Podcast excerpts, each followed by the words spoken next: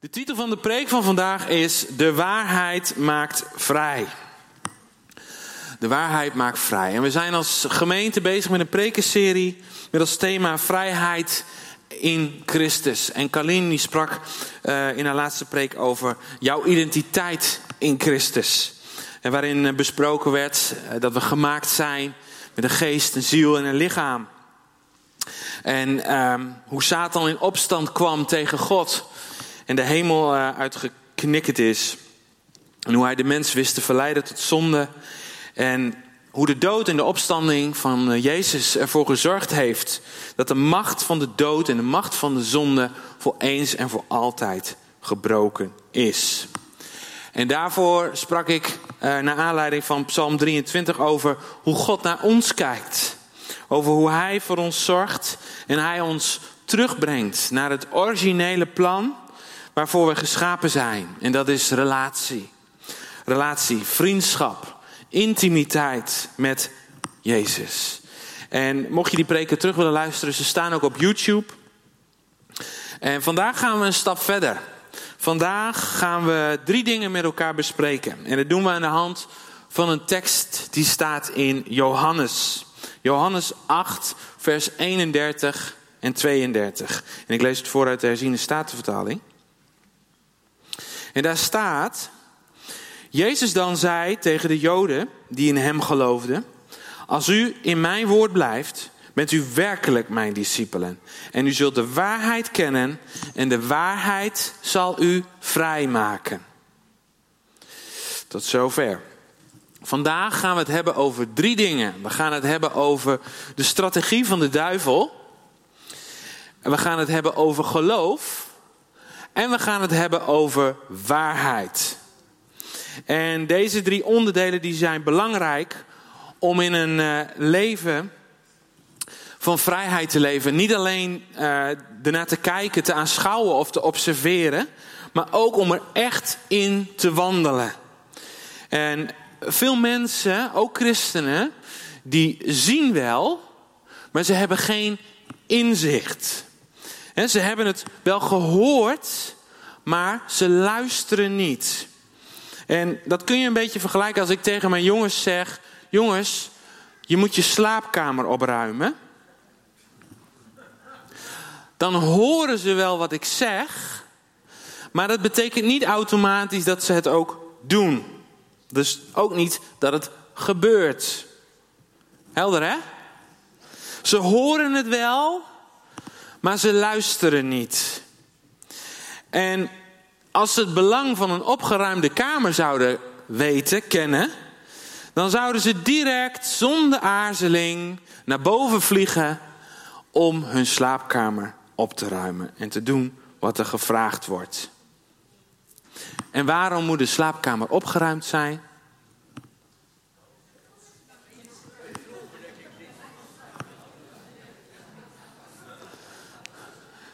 Dat is een moeilijke vraag. Waarom moet de slaapkamer opgeruimd zijn? Het antwoord is eigenlijk heel simpel. Omdat papa het zegt. En papa weet wat het beste is voor jou. Ja.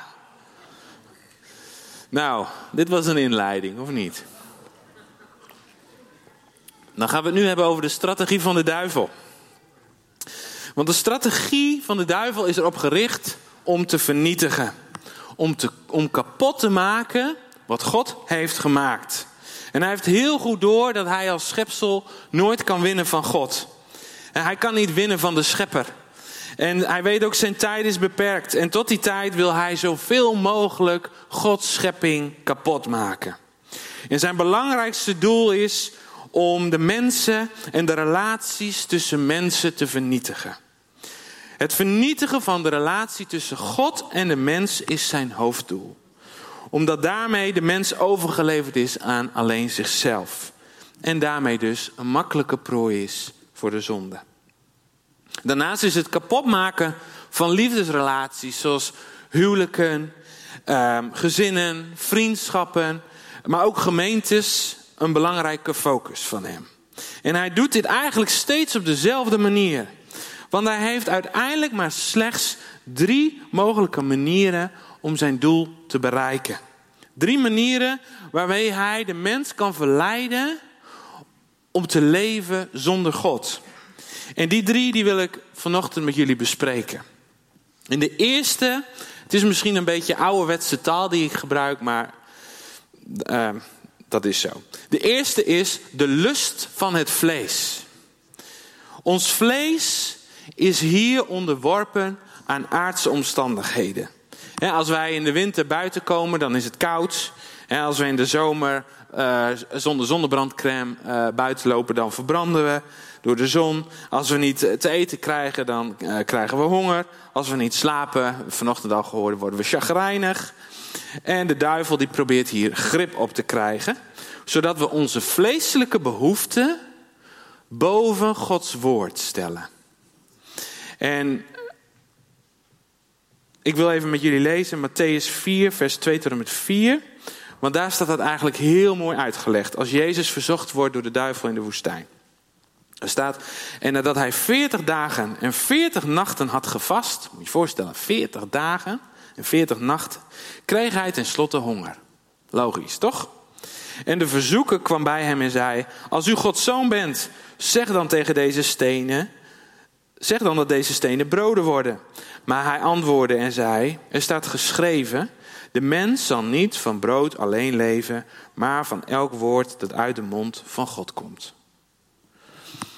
Nou, daarom is vasten ook zo'n krachtig wapen, omdat je hiermee zegt: Heer, uw woord is belangrijker dan mijn vlees. Dus dat is de lust um, van het vlees. De tweede is de lust van het oog. Ons oog is gemaakt om te zien. Onze ziel is net als ons vlees nog steeds onderworpen aan aardse omstandigheden. we worden, voor de vrouw is het denk ik wel herkenbaar. We worden blij van nieuwe kleren. Als we een aantrekkelijke man of vrouw zien, dan blijven we wat langer kijken. Ja, en een mooi lied kan ons tot tranen roeren. En de duivel die laat ons de dingen zien waarmee we onze zielse behoeften kunnen vervullen. En hij probeert ons over te halen om daaraan toe te geven. Om onze zielse behoeften boven Gods woord te stellen. En dat lezen we in, ook in Matthäus 4. Daar staat, opnieuw nam de duivel hem mee, nu naar een zeer hoge berg. En hij liet hem al de koninkrijken van de wereld zien met een heerlijkheid. En hij zei tegen hem: Dit alles zal ik u geven als u knielt en mij aanbidt.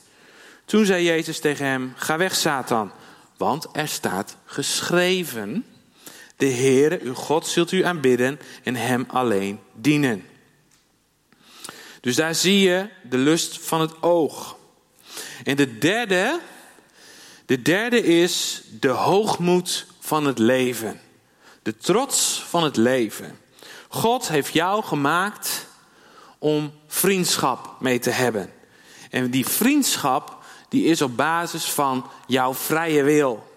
De mens kan ervoor kiezen om wel of niet in vriendschap te leven met God. En in deze vrije wil schuilt, schuilt ook direct een risico. Een risico dat de mens kan besluiten om zijn eigen weg te gaan om te kiezen voor een leven zonder God. Om tegen God te zeggen: U bent niet meer de Heer van mijn leven, maar ik bepaal zelf hoe ik leef.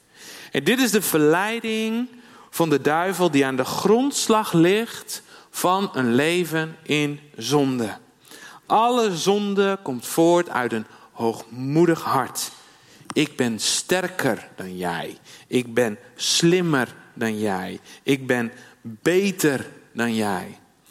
En je moet het niet verwarren met ego of met zelfverzekerd zijn. dat willen we ook nog wel eens doen. Maar David was heel zelfverzekerd toen hij tegenover uh, Goliath stond. Ja, toch? Maar hij was niet hoogmoedig. In zijn zelfverzekerdheid en in zijn ego wijst hij naar God. En dat geeft hem de ruggengraat, dus zo mooi, dat kwam ook terug vanochtend in de zangdienst, om het volk te bevrijden. En van de macht van Goliath en zijn trawanten. Hoogmoed is ego zonder God. Bij hoogmoed draait het om jou en om jou alleen. Bij hoogmoed wijs je naar jezelf en je wijst niet naar God.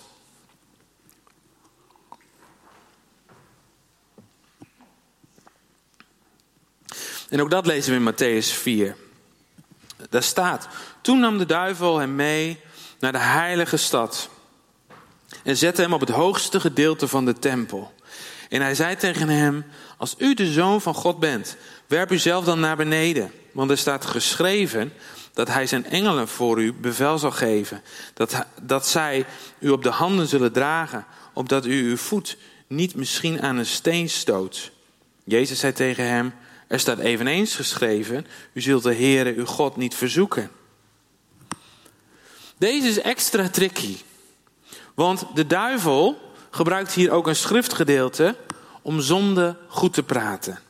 Zo kunnen wij ook in ons leven heel makkelijk schriftgedeeltes gebruiken om onszelf te rechtvaardigen of om onze zonde goed te praten. En daarom is het heel belangrijk om ook het hart van het woord te kennen. Wat is de kern? En Jezus die weet dit, want hij is het vlees geworden woord. Amen. En alle zonden die komen voort uit deze basisverleidingstechnieken van de duivel. De lust van het vlees, de lust van het oog en de hoogmoed van het leven. En hij probeerde dit bij Jezus in de woestijn, maar hij is niet origineel. Hij probeert dit ook bij Eva in de Hof van Eden. Als we lezen in Genesis 3, en de vrouw zag dat die boom goed was om ervan te eten, dat, dat hij een lust was voor het oog. De lust van het oog. Ja, een boom die begerenswaardig was om er verstandig door te worden. De hoogmoed van het leven.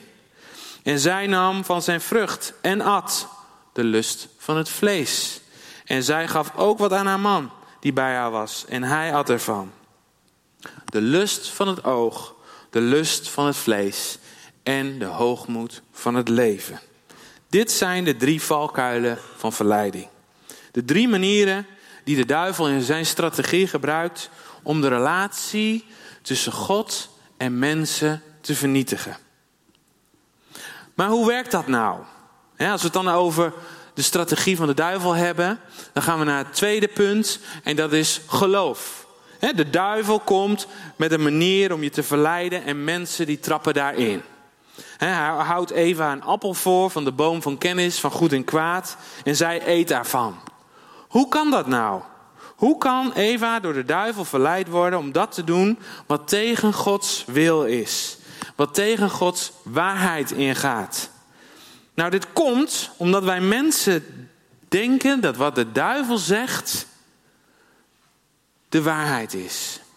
Of in ieder geval, het heeft de mogelijkheid om twijfel te zaaien in ons hart. De duivel die valt namelijk met zijn strategieën jouw geloofssysteem aan. Als de duivel aan Eva vraagt: Is het echt zo dat God gezegd heeft: U mag niet eten van alle bomen in de hof? Dan is dit een rechtstreekse aanval tegen Gods integriteit. Dit is een rechtstreekse aanval uit het rijk der duisternis om Gods woorden in twijfel te trekken. Alsof God zou kunnen liegen. Alsof Gods woorden niet waar zouden zijn. Alsof er een reden zou zijn om God niet te geloven. En als we kijken naar alle wonderen die Jezus doet, dan lezen we dat die wonderen nooit een doel op zich zijn. Maar ze zijn altijd bedoeld om ons geloof te geven, om ons geloof te bouwen. Want geloof is het wapen dat wij hebben ontvangen om weerstand te kunnen bieden tegen de duivel. En om te leven zoals God het heeft bedoeld. Amen? Want als Jezus 5000 mensen voedt, dan is het doel niet om mensen te voeden. Maar het doel is, want die mensen die krijgen, weer, die krijgen weer honger. Die hebben, een, een dag daarna hebben ze weer honger, toch? Ja, maar door dit wonder wil Jezus ons laten geloven dat Hij het brood des levens is.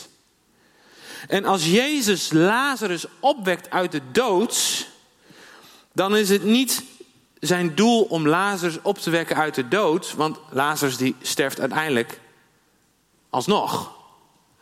Maar zijn doel is om te laten zien dat hij de opstanding en het leven is. En, want je moet je voorstellen dat Jezus, die, die, die had in een vingerknip, had die Lazarus kunnen opwekken uit de dood op de plek waar hij op dat moment was, toch? Daar hoefde hij niet voor daar naartoe.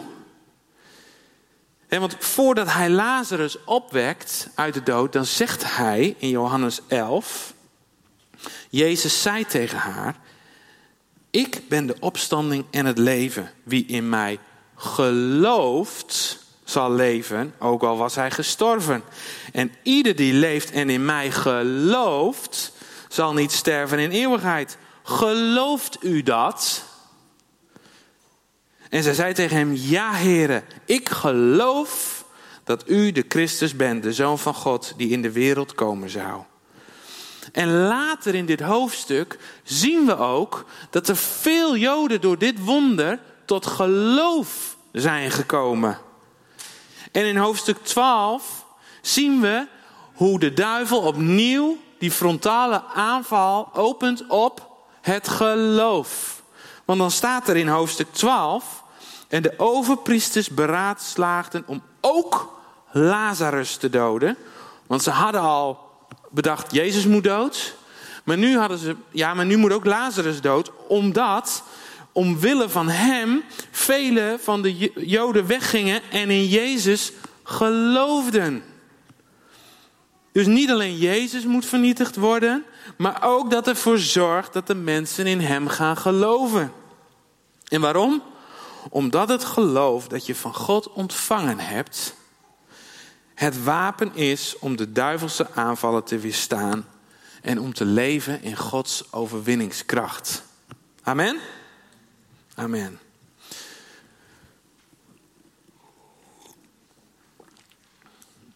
Dus we hebben nu de strategie van de duivel gehad.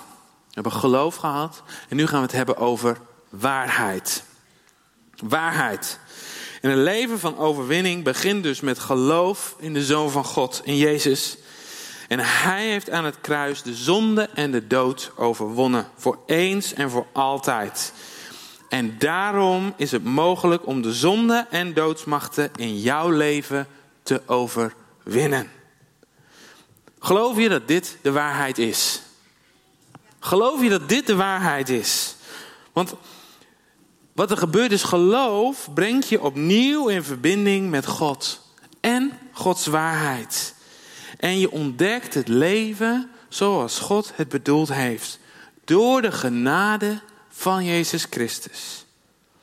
En alles wat Jezus zegt is niet optioneel, maar is de waarheid. Alles wat Jezus zegt is niet optioneel, maar het is de waarheid.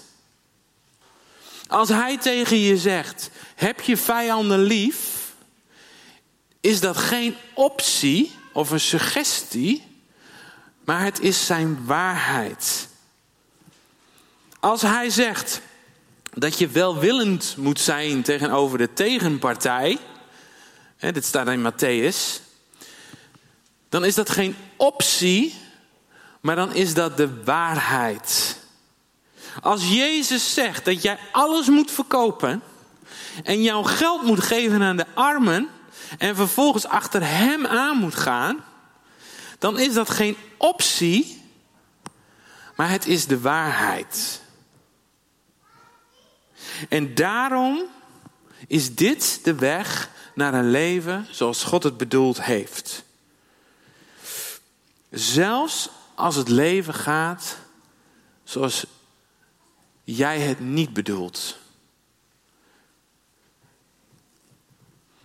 Zelfs als het leven gaat zoals jij het niet bedoelt. Want Jezus weet namelijk wat het beste voor jou is. Want Hij heeft de overwinning behaald, niet jij. En hoe meer jouw overtuigingen, jouw geloofssysteem afgestemd raakt op de waarheid, hoe meer vrede, hoe meer rust, hoe meer shalom er jouw leven binnenstroomt. Maar hoe meer jouw geloofssysteem twijfelt aan Gods waarheid, hoe meer onrust en strijd er in jouw leven komt. Hoe meer invloed de duivel krijgt op jouw geloofssysteem en hoe meer je gaat twijfelen aan Gods waarheid en belofte voor jouw leven. Als je bijvoorbeeld een, een, een, een trauma of een ernstige emotionele beschadiging hebt opgelopen, door uh, wat mensen jou aangedaan hebben, ook vaak beschadigde mensen, dan uh, kan het zijn dat uh, als je niet afrekent met dat trauma, dat daar een demonische belasting aan gekoppeld kan worden. En daardoor wordt het nog moeilijker om daarvan af te komen. Je bent op een gegeven moment gaan geloven, ik ben niets waard. Um, um, ja, ik, ik, ben, ik ben niks waard, ik kan niks, uh, niemand zit op mij te wachten. Uh, en dat zijn dan overtuigingen die in jouw denken komen, maar die staan lijnrecht tegenover Gods waarheid over jouw leven. En het gevolg is dat Gods waarheid binnen handbereik is. Ik sta hier nu ook op dit podium jullie de waarheid te vertellen. Maar of je het dan ook pakt, dat is een tweede. Of je het ook kunt grijpen, dat is een tweede. Dus zelfs als je Gods waarheid er dan over hoort, betekent het niet direct dat het ook verandering brengt in jouw leven. En je vader die zegt tegen je dat je je kamer op moet ruimen, maar je doet het niet. Omdat je denkt dat je het niet kan. Of omdat je vindt dat eerst je broer maar zijn kamer dus op moet ruimen. Want die is veel rommeliger. Of omdat je gelooft dat jouw kamer geen rommel is. Dat kan ook nog. Je geloof, je geloof en je gedrag strookt niet met een leven in Gods licht. En er is boosheid en er is bitterheid en er is angst op bepaalde thema's. En het kan zelfs zijn dat er lichamelijke klachten ontstaan daardoor. Nou, en op dat moment is er bevrijdingspastoraat mogelijk. Waarin je samen met iemand naar Jezus gaat. En hij zijn waarheid over jouw leven uitspreekt. En die waarheid die stroomt dan je hart binnen. Op het moment dat jij zegt, ja Heer, ik wil graag in uw waarheid wandelen. Ik wil in uw licht staan. Heer, ik wil niet meer geloven, Heer, wat ik zelf denk. Heer, maar ik wil graag geloven wat u denkt over mij. En dan kan het zijn dat je jaren gebonden bent aan, aan bepaalde trauma's of, of uh, depressie. Maar dan komt de Heilige Geest, die komt jouw leven binnen en die brengt herstel en die brengt genezing. En soms gaat dat heel snel en soms is dat een proces wat langer duurt. En je ruimt samen met Jezus je kamer op. En je geeft Hem de sleutel van jouw kamer weer terug. Mooi hè?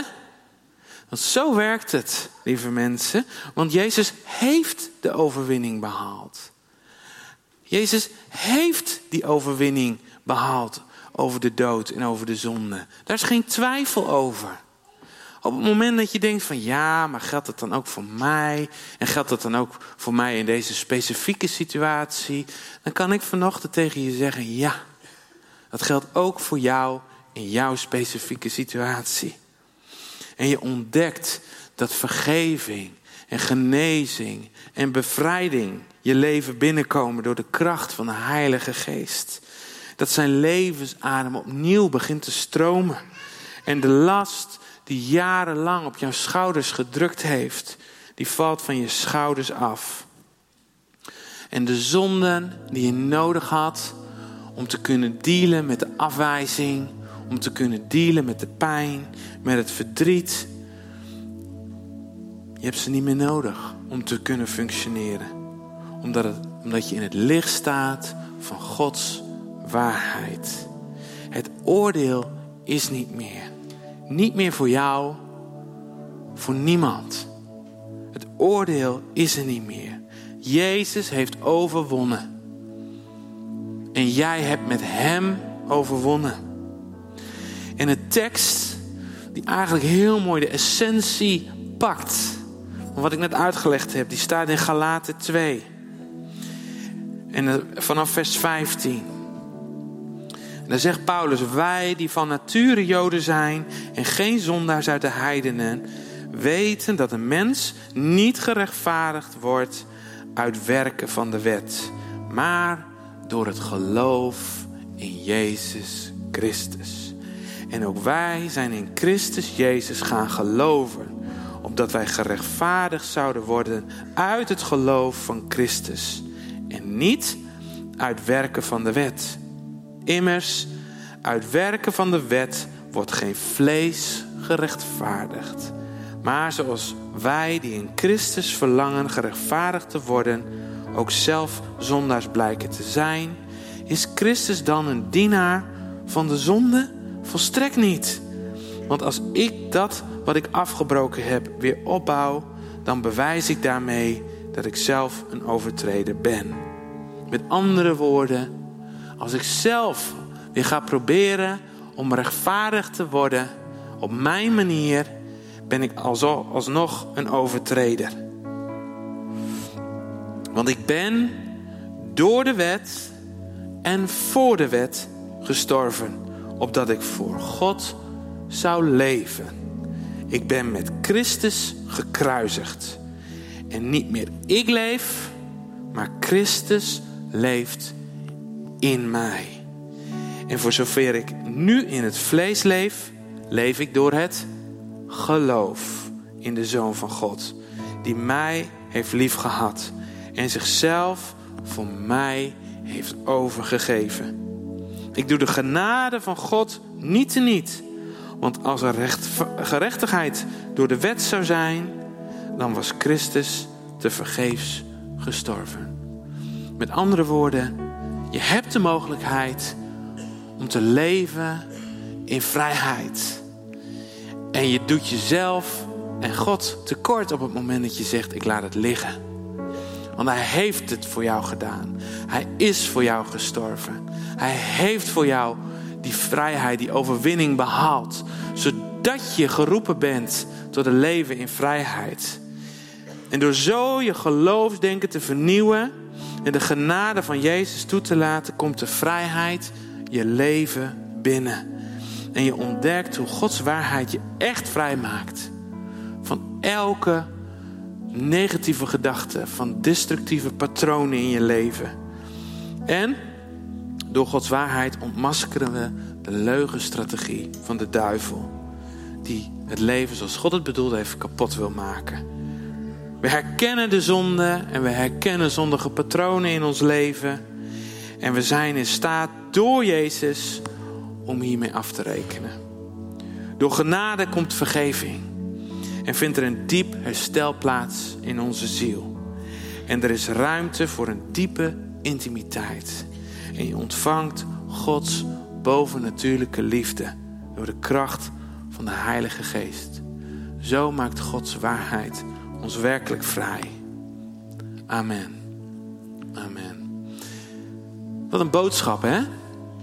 Als je dit op je in laat werken en de Heilige Geest de ruimte geeft om, om in die, op die plekken te komen waar, ja, waar je zelf misschien wel niet eens meer bij kan of bij wil, dan, dan, dan gebeuren er zulke bijzondere en mooie dingen.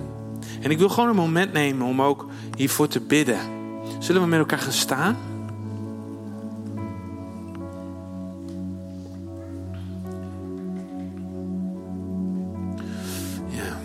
Koning Jezus, u regeert. U regeert in mijn leven. U regeert in ons leven. En dank u wel dat u de overwinning hebt behaald. Dat u de zoon van God bent.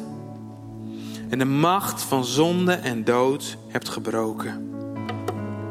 U hebt het volbracht. Niet alleen voor mij, maar voor alle mensen. En ik geloof in uw woorden. Want uw woorden zijn waarheid.